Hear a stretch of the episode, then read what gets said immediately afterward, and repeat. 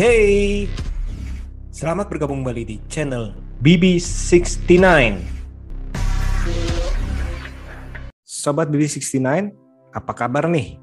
Sekarang pada episode kali ini sudah bergabung dengan saya teman Kongko BB69 yakni Mbak Fani Imaniar. Apa kabar Mbak?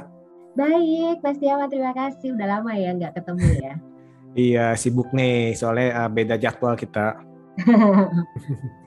nah, ini kemarin nih saya baru nonton sebuah film pendek karya Mas William Adiguna. Judulnya adalah hmm, Please Be Quiet.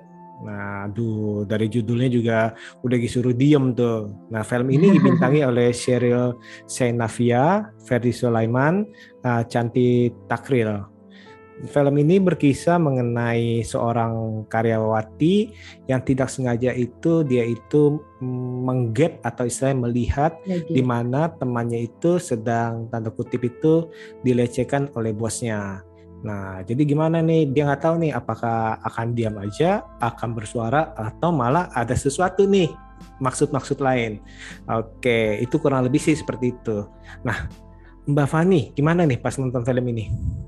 Hmm, uh, aku ada sedikit mix uh, reaction sih. Soalnya kalau menurut aku ini juga salah satu sebenarnya kelemahan film Indonesia yang aku tidak menggeneralisir semua film Indonesia, tapi salah satu penyakit yang rada sulit gitu untuk uh, aku temukan cure-nya adalah uh, dialognya rada kaku nggak sih? Walaupun aku ketika ngeliat komentar-komentarnya mengatakan bahwa uh, apa ya namanya mereka appreciate gitu. Tapi yang aku tangkap pertama kali justru kali ini dialognya kaku banget.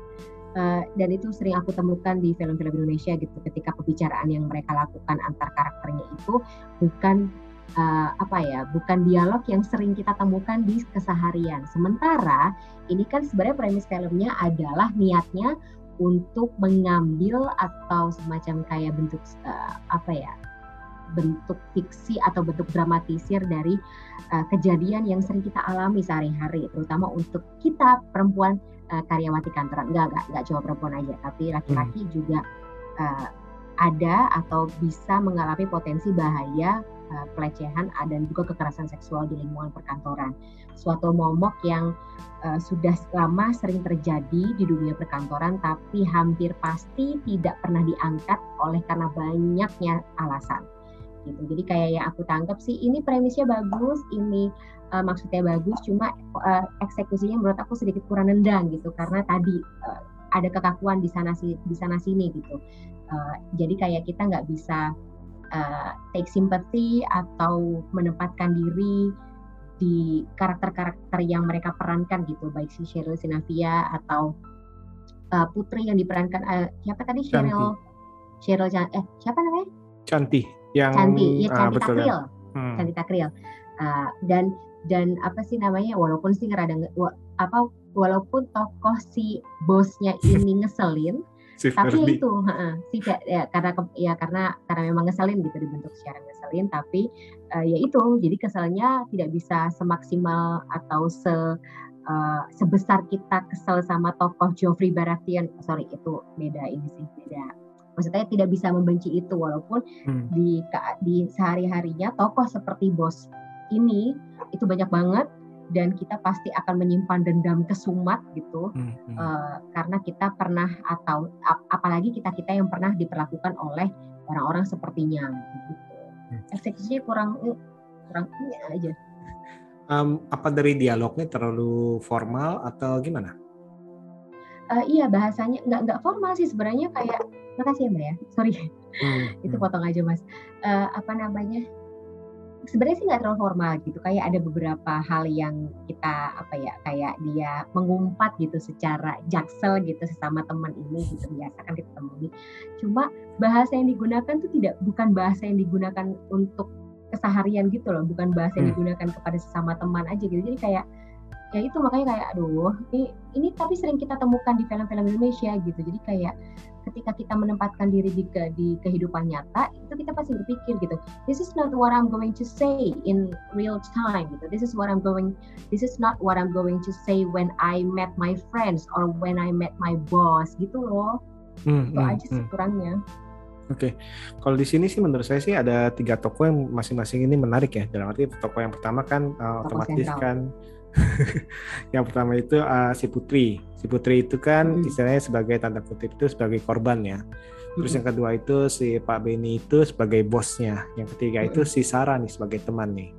Nah, masing-masing ini karakternya kalau menurut uh, Mbak Fani gimana ini? Kalau menurut saya ini masing-masing mempunyai istilahnya sisi-sisi yang cukup menarik sih untuk kita Betul. ngomongin nih. Misalnya kita mulai dari si Putri, di mana nah apa? Uh, dia kan yang sebagai korban yang dilecehkan. Dan dalam arti uh, dia mengambil istilahnya mengambil uh, tindakan bahwa dia itu lebih baik diam. Diam dan ada, tidak bersuara. Bahkan ini di tagline di film Please Be Quiet ini tagline-nya itu adalah silence is the most powerful scream Nah itu kan cukup-cukup menggambarkan juga sih mungkin skripnya di dalam hati kali ya dalam arti dan dalam arti kalau si dari toko si Putri ini sebenarnya kalau menurut Mbak Fani ini kenapa nih kok dia kok mengambil posisi tidak mau melawan? Hmm. Sebelum aku terusin terkait dengan analisis aku ya, Ci analisis. Hmm. uh, apa ya tagline silence is, ya, silence is the most powerful scream menurut aku sedikit kurang tepat dialamatkan di film ini karena gini uh, konteks atau uh, tujuan dari scream itu adalah ingin didengarkan. Betul. Nah, ketika kita silent dalam kasus pelecehan atau kekerasan seksual itu tidak akan sampai tujuan tersebut. Itu hanya akan mengubur tujuan yang ingin disampaikan atau tujuan yang ingin uh, dituju oleh konsep scream gitu. Jadi kayak tagline ini kurang tepat karena kalau misalnya kita ingin screaming harusnya revenge it, uh, revenge is the best uh, apa ya tadi? Dessert. sorry sorry maksud aku kayak uh, apa revenge is better than screaming atau something gitu-gitu loh. Jadi hmm. kayak uh, ketika di sini silence tidak akan ber uh, efek apa-apa gitu. Jadi kayak uh, beda inilah beda atau tidak apple to apple gitu ketika harus di alam ketika harus dibandingkan sama screening kalau menurut aku tagline kurang tepat sih gitu hmm. terutama hmm. terutama untuk uh, kasus ini gitu yang uh, cukup krusial ya cukup uh, apa ya namanya uh, lagi lagi lagi on on spot banget saat ini gitu ketika banyak kasus-kasus yang sejenis lagi ke permukaan tapi tetap saja gitu sebanyak atau semasif apa pun gerakan kita untuk memajukan uh, penindakan atas kasus-kasus tersebut pasti ujung-ujungnya akan kalah sama orang-orang yang punya relasi kuasa atau punya relasi keuangan yang lebih besar gitu. Dan notabene uh, penyelesaian kasus-kasus seperti ini juga pasti akan dimenangkan oleh orang-orang yang punya relasi kuat besar, lebih besar dan juga relasi kuat relasi uang yang lebih besar. Hmm. Dan yang lebih sedih lagi, orang-orang yang biasanya jadi pelaku kekerasan atau pelecehan seksual adalah mereka yang punya uh, dominan dominasi uh, atau relasi kuasa yang gede dan juga keuangan yang lebih banyak. Hence, the boss yang jadi uh, salah satu tokoh sentral dalam film ini gitu. Ini yang menjadi kesulitan terutama untuk para penyintas dari kasus-kasus ini gitu, penyintas atau korban-korban. Aku jadi pengen cerita Mas Setiawan gitu. I've been hmm, hmm. There uh, hmm. di, kan di kantor I've been there. Uh, tidak seperti, oh sorry, maksudnya kayak pelecehan seksualnya dalam bentuk verbal. Hmm. Uh, aku cukup beruntung kasus ini kita bisa majukan dan atasan langsung aku bisa jadi backup gitu. Tapi tidak semua orang, tidak semua korban kasus ini bisa punya privilege seperti aku. Ya walaupun memang penindakannya tidak sesuai, tidak sesuai ekspektasi atau tidak sesuai harapan aku, tapi ya uh, yang penting aku tahu kalau misalnya kayak ada backup aja itu udah privilege. Padahal sebenarnya ini kan belum cukup ya Mas Setiawan.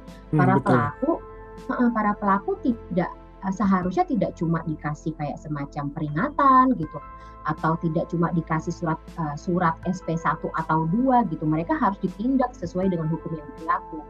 Tapi karena kebanyakan kantor ingin mengubur dalam-dalam supaya ini tidak jadi gede terus kemudian akhirnya mencoreng nama pada nama baik kantor betul atau jadi merusak workflow dan juga suasana di tempat kerja biasanya kantor akan mengubur dalam-dalam diselesaikan secara kekeluargaan. Walaupun sebenarnya payung hukumnya mengatakan bisa tidak seperti itu gitu. Ada konsekuensi hukum yang bisa dihadapi pelaku.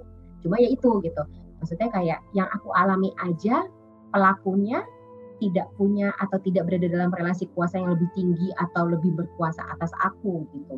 Nah, apalagi kasusnya si Putri ini yang pelakunya bosnya sendiri.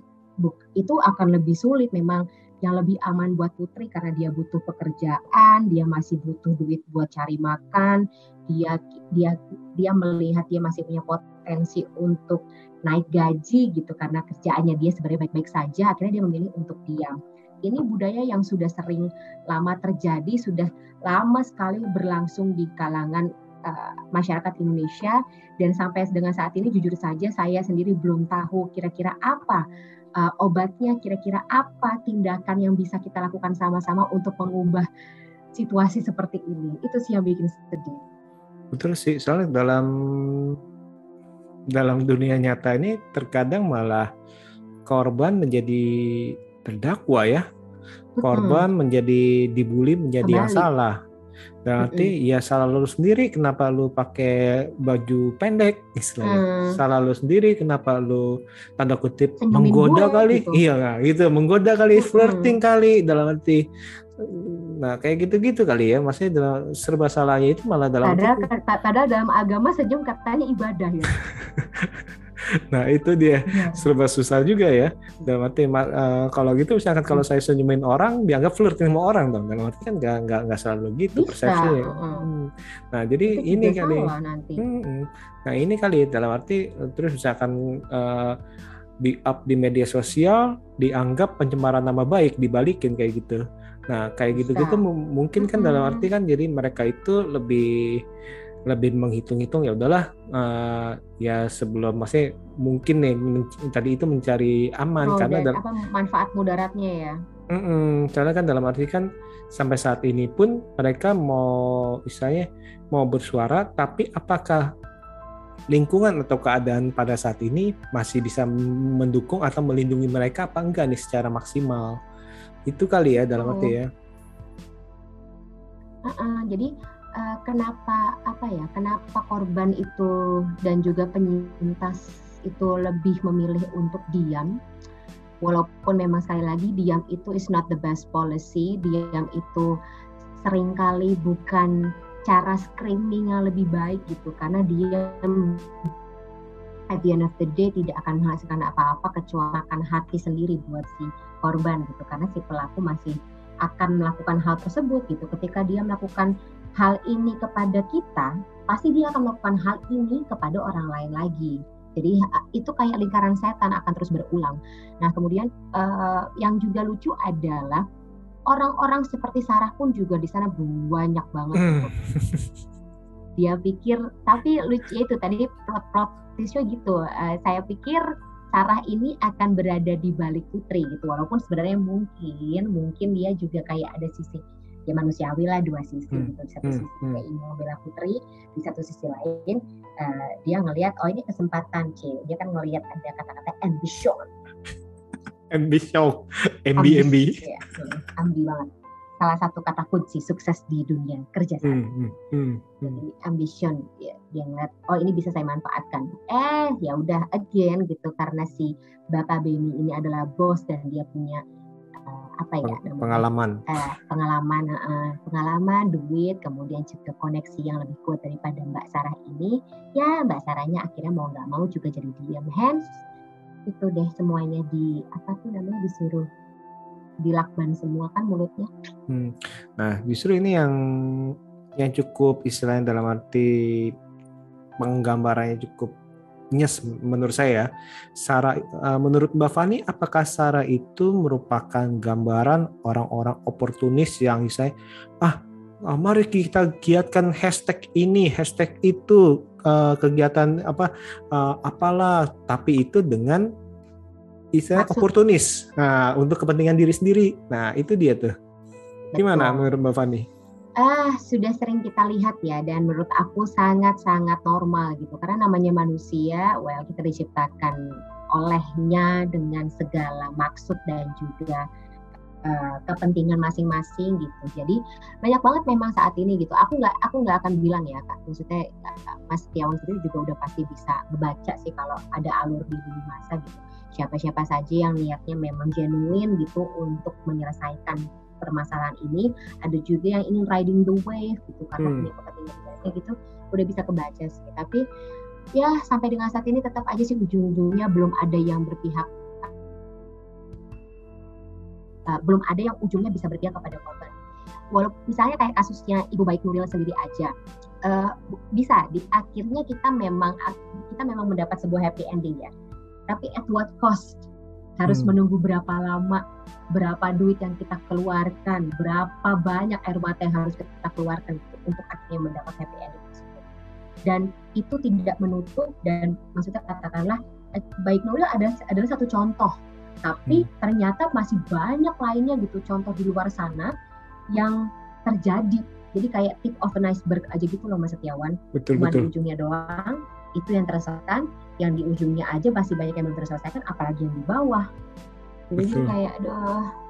Itu dia kenapa kadang-kadang itu uh, ini sih mungkin ya dari dari pengamatan saya mungkin apakah karena uh, dalam arti mereka lebih baik menutup mulut karena mereka menghindari collateral damage yang akan hmm. menimpa kepada keluarga mereka, misalnya Betul.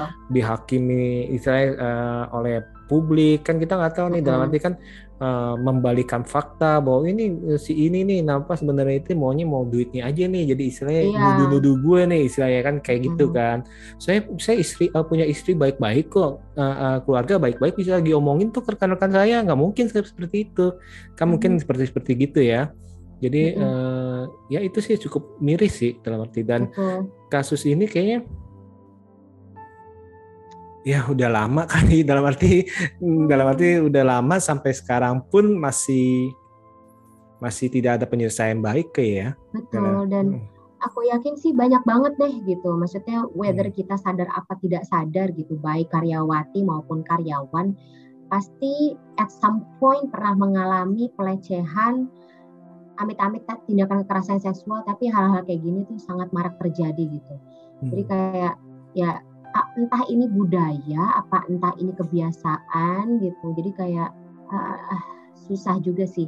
Nggak, nggak masih ada harapan gitu untuk menyudahi masih ada harapan kita untuk uh, apa ya ya melibas para pelaku ini gitu. Sebelum mereka melakukan tindakan yang lebih jauh udah kita cegah dengan cara eh lo berhenti nggak gue nggak suka diginiin gitu. Terserah deh kita mau dianggap sebagai apa gitu. Masih sih masih ada harapan untuk itu. Cuma akan sulit memang. Jadi ya ya beginilah mungkin inilah tujuan kita manusia diciptakan ya supaya kita bisa sama-sama atau repot-repot mencari solusi dari tindakan-tindakan yang bikin pusing ini. Aduh, atau mungkin aja bos-bos atau orang-orang yang melakukan pelecehan juga istilahnya yang banyak yang tanda kutip itu ya merasa saya sindrom karena memiliki power besar power. bisa oh. bisa mengendalikan istilahnya seperti itu kali ya dia ingin wah, menguasai soalnya banyak ini benar-benar ya baik itu korbannya pun ya baik itu perempuan maupun laki-laki ternyata ya ada dalam arti jangan jangan dipikir laki-laki juga nggak hmm. bisa dilecehin sih sekarang nih ya cuman kan kalau laki-laki mungkin lebih lebih malu lagi kali dalam ini lebih sungkan lagi mau bicara nanti bilang lu kok laki-laki kok bisa bukannya oh. ngelawan? Nanti itu malah tekanan mentalnya lebih lebih besar sebenarnya sih ya. Iya toxic toks iya itu kan kayak kalau kalau kita perempuan itu namanya kalau kita digituin kita nyebutnya toxic masculinity gitu. Laki-laki juga bisa uh, dapet toxic masculinity dalam apa ya dalam bentuk seperti itu gitu. Ah lu mah ngeluh mulu gitu cowok kok digodain baper gitu. Sama cowok lah hmm. terus kenapa? Cowok nggak boleh emang cowok nggak bisa dilecehkan? Lu nangis terus lu bukannya oh, ngelawan pas dilecehin cie nah, lu pukul kayak gitu lu kan cowok nah, pukul lu. Dah dah dah dah nah ya, sepengalaman aku juga mas uh, Setiawan. Mas hmm. Setiawan kenal aku orangnya sangat vokal dan uh, preman gitu ya. Tapi pas aku mendapat uh, tindakan itu gitu itu aku diem aja loh. Itu kayak diem terus kayak gemeter terus kayak berpikir what what did just happen gitu apa yang apa yang barusan bar, ya apa yang barusan gue denger ya hmm, eh hmm. itu apa sih eh lo lo kayak mikir gitu lama hmm. terus cuma bisa nangis tiba-tiba nangis gitu kayak hah si anjir gitu jadi sebelumnya tuh aku tidak pernah uh, apa ya tindakan pelecehan yang aku alami tidak separah itu gitu maksudnya hmm, kayak hmm. tindakan-tindakan sebelumnya tuh yang masih uh, aku sebut menggilani lah masih bisa aku tangani masih aku apa indahkan gitu ya. Tapi kalau yang kemarin ini tuh kayak udah nggak nggak enak dan ya tindakannya sama seperti Putri cuma bisa lari gitu. Terus kemudian uh, kalau Putri mungkin ngedekem nangis di kos ya gitu. Ini kayak ya gitu gitu. Kita cuma bisa berpikir terus kita bingung mau cerita sama siapa gitu. Udah gitu doang Hmm, soalnya itu biasanya itu kan kita masih shock, nanti masih mencerna di pikiran, what just happened to me? Saya apa nih terjadi nih? Masih masih masih istilah di otak kita masih mencerna nih dalam arti apa gua harus uh, bereaksi atau gua harus diam? Bahkan misalnya menangis itu mungkin dari awalnya menyesal dalam arti, aduh kok gue giginin sampai menyesal, kenapa gue nggak langsung tampar dia? Dalam arti dalam arti kan itu kan baru-baru kepikiran-kepikirannya itu dan itu sifat manusiawi sih ya. Dan arti itu hmm. uh, maksudnya ada sebagian orang yang bisa langsung berespon dengan cepat, ada hmm. sebagian orang memang harus kebanyakan orang itu harus mencerna. di mencerna dulu nih hmm. apa sebenarnya yang terjadi sama gue nih, apa yang yang barusan hmm. terjadi, apa yang dilakukan apa ini salah gue ya sampai gue, iya. bahkan sampai menyalahkan diri sendiri apa ada salah gue awalnya gitu kan mungkin kan iya kayak tadi gue ngomong apa apa tadi gue berbuat apa ya kok bisa diginiin gitu kan Hmm, nanti terakhirnya baru wah brengsek bukannya tadi aja gue pukul maksudnya kan kayak gitu ya. Dan itu hmm. ya harusnya tadi gue konfrontir gitu, tapi hmm. Iya, ya itu sih yang sering terjadi sih dan ya akhirnya itu kalau kita melawan yang lebih berkuasa, yang lebih berduit dalam arti ya tadi itu collateral damage itu sebesar apa dan hmm. kalau lingkungannya masih belum supporting Berpihak. system betul betul lingkungan belum berpihak atau supporting sistemnya nggak ada hmm. malah bisa jadi bumerang itu yang kita takutin oleh para korban sih biasanya mbak ya Mm-mm. Apalagi kayak di film itu sih, itu ini juga sebenarnya menarik. Ini ini salah satu yang aku tangkap menarik gitu kan si putrinya tidak bercerita sama siapa pun. Dia tidak bercerita saja, pengalaman hmm. dia bisa dijadikan uh, bahan gitu buat orang lain untuk mencapai uh, ambisinya gitu, mencapai Betul. tujuannya dia gitu apalagi kalau dia cerita kan takutnya malah justru dimanfaatkan sama pihak-pihak yang uh, mengambil ingin untung. Into WA, ingin mengambil hmm. untung gitu. Ini Sarah, Sarah sih gambaran yang sangat real ya. Uh, apa sih namanya? Dia ingin menunjukkan kalau dia mampu, tapi karena dia tidak tahu harus bagaimana, terus dia pikir dia punya kesempatan itu, ya terus gagal, slap in the face. Hmm. Ibaratnya ular ular kecil mau ngelawan ular oh, gede, ular raja raja ular. ya tadi kan soalnya bosnya bilang kan ya gue gue pernah ya gue pernah jadi lu. Dalam arti uh, otomatis dia itu mungkin pernah mengancam bosnya sebelumnya. Tapi karena dia mungkin lebih pintar segala macem ya bisa. jadi saya dia bisa bisa bisa bisa bisa naik lebih ke atas lagi seperti itu sih. Aduh ini benar-benar dia cowok mas Hmm, gimana? Jadi cowok mas kita tidak bisa mengindahkan, kita tidak bisa menutup mata bahwa uh, lingkungan kerja di Indonesia ini masih sebagian besar masih hmm, hmm. dikuasai hmm. oleh budaya patriarki. Jadi cowok-cowok itu hampir pasti akan uh, apa ya namanya? Hampir pasti akan bisa lepas dari masalah yang jadi gini, cewek sama cowok ketika dihadapkan dalam posisi yang sama, sama. Hmm. Uh -uh, akan lebih mudah bagi cowok untuk uh, melepaskan diri gitu dibanding cewek.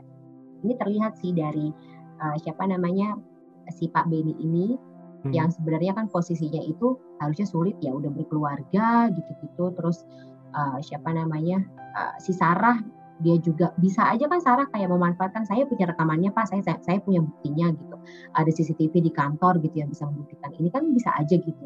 Cuma karena Pak Beninya udah uh, sudah biasa, terus mungkin di, mungkin juga dibentuk dengan lingkungan yang seperti itu sehingga dia tahu apa yang bisa dia lakukan, jadi dia diuntungkan gitu. Hmm, hmm, hmm.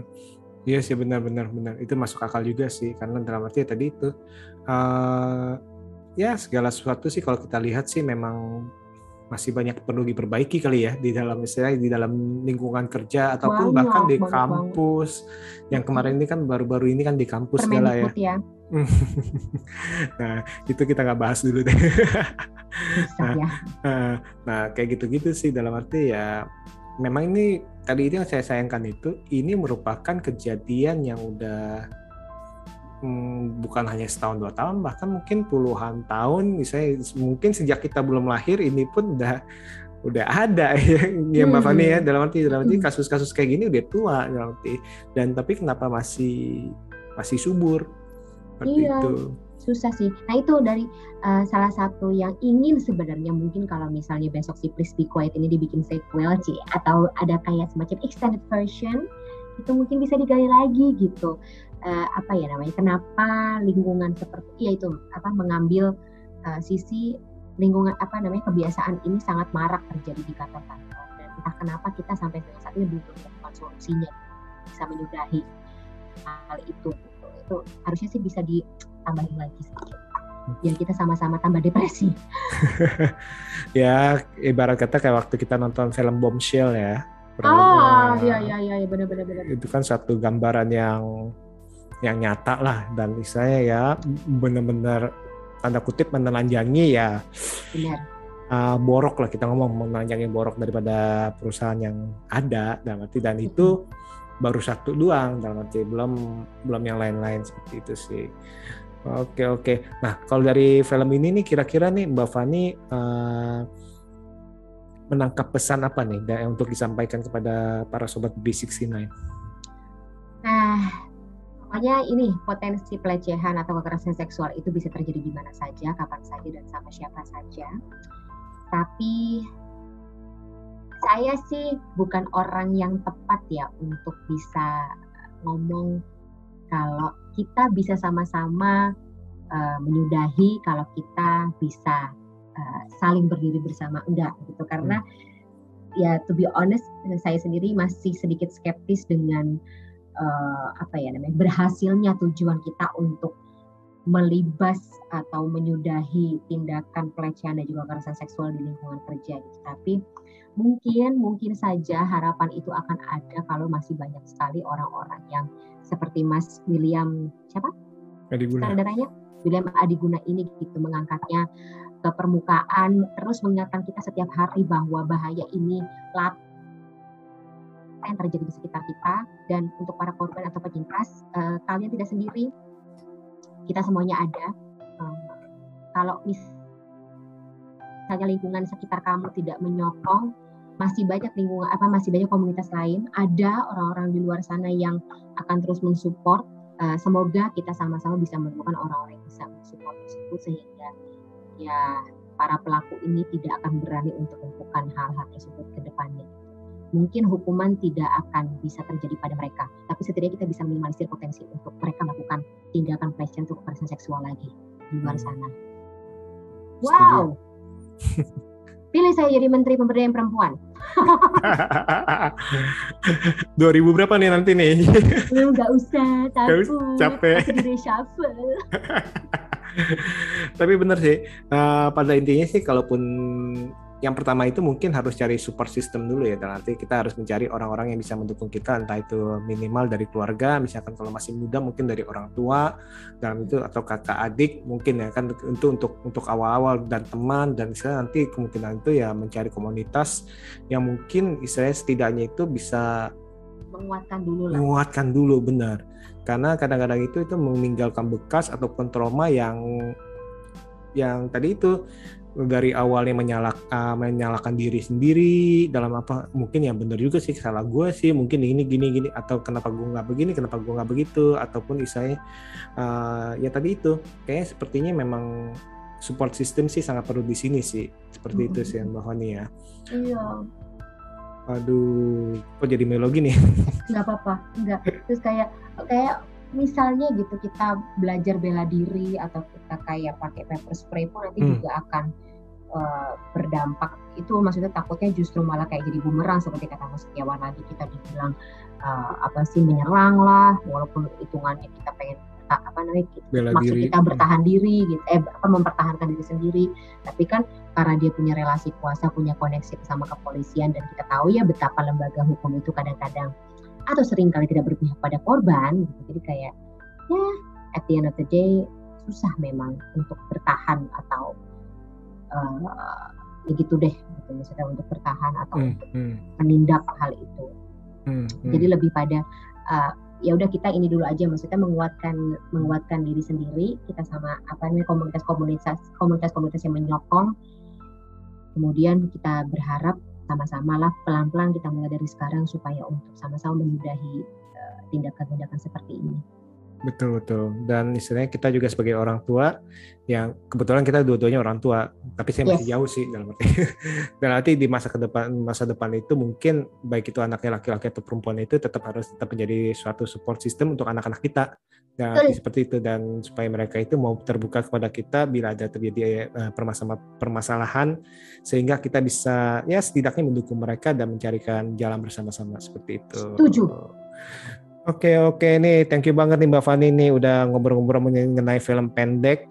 Karena uh, cuma 20 menit apa uh, ininya uh, pembahasannya panjang. Panjang sebenarnya ini kalau masih mau panjangin bisa nih. Karena masih banyak seluk beluk ya. Seluk beluk nih yang masih bisa narik nih. Tapi ya, hmm, tapi saat ini kita sudahi dulu nih episode kali ini nih. Siap. Oke oke nih, thank you banget Mbak Fani untuk meluangkan waktu hari ini. Semoga di ke depannya kita bisa ngobrol-ngobrol lagi nih, tentunya dengan tema yang berbeda. Sekali lagi terima kasih dan see you. See ya.